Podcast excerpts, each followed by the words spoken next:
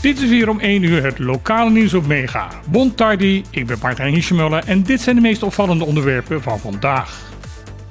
Sinds afgelopen maandag is het wettelijk minimumloon op de Beste-eilanden fors verhoogd. Een werknemer met een minimumloon zal aan het eind van de maand opeens 334 dollar meer in het loonzakje vinden. En daar blijft het niet bij. Per 1 juli zal daar nog een keer 180 dollar gaan bijkomen.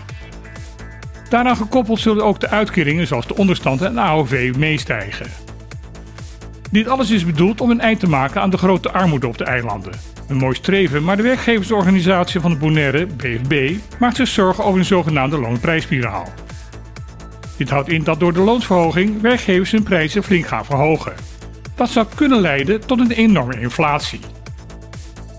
Meerdere keren hebben consumenten en werkgeversorganisaties hiervoor gewaarschuwd. Ook de overheid heeft aangegeven hier scherp op te gaan letten. Echter, heel veel wettelijke middelen om deze prijsspiraal tegen te gaan zijn er niet. Daarom roept gedeputeerde Abraham de ondernemers op om in dit opzicht discipline te tonen. Hij hoopt dat het niet zover hoeft te gaan komen dat de overheid de verkoopprijs op Bonaire moet gaan bepalen. De afgelopen weken heeft de opsporingsdienst van Bonaire diverse drugsvangsten gedaan. Zo werd er al eerder drugs gevonden bij een verkeerscontrole en hield de koninklijke marechaussee op het vliegveld een echtpaar aan die in bezit van drugs naar Nederland wilde reizen. Dit keer onderschepte de marechaussee een twintal mensen die drugs naar Bonaire wilden brengen. Een mannelijke passagier die vorige week met Tuur aankwam uit Nederland werd betrapt op bezit van 200 gram hashish. Een dag later bleek een vrouw die met DVD was aangekomen uit Curaçao ecstasy en crystal meth in haar bagage te hebben. Bij lichaamscontrole bleek ze daarnaast ook nog een zogenaamde duwersbol in haar lichaam te hebben. Deze was gevuld met cocaïne. Of het aantal drugsmokkelaars van en naar de laatste week erg gegroeid is, of dat het Marchechés haar opsporingsmethodes heeft aangescherpt, is niet duidelijk. Bonaire blijkt ruim 500 soorten insecten meer te herbergen dan tot nu toe bekend was. Enkele tientallen ervan waren tot nu toe zelfs onbekend in de hele wereld. Dat is het resultaat van vijf maanden onderzoek door Naturalis Biodiversity Center in Leiden in samenwerking met Stinapa.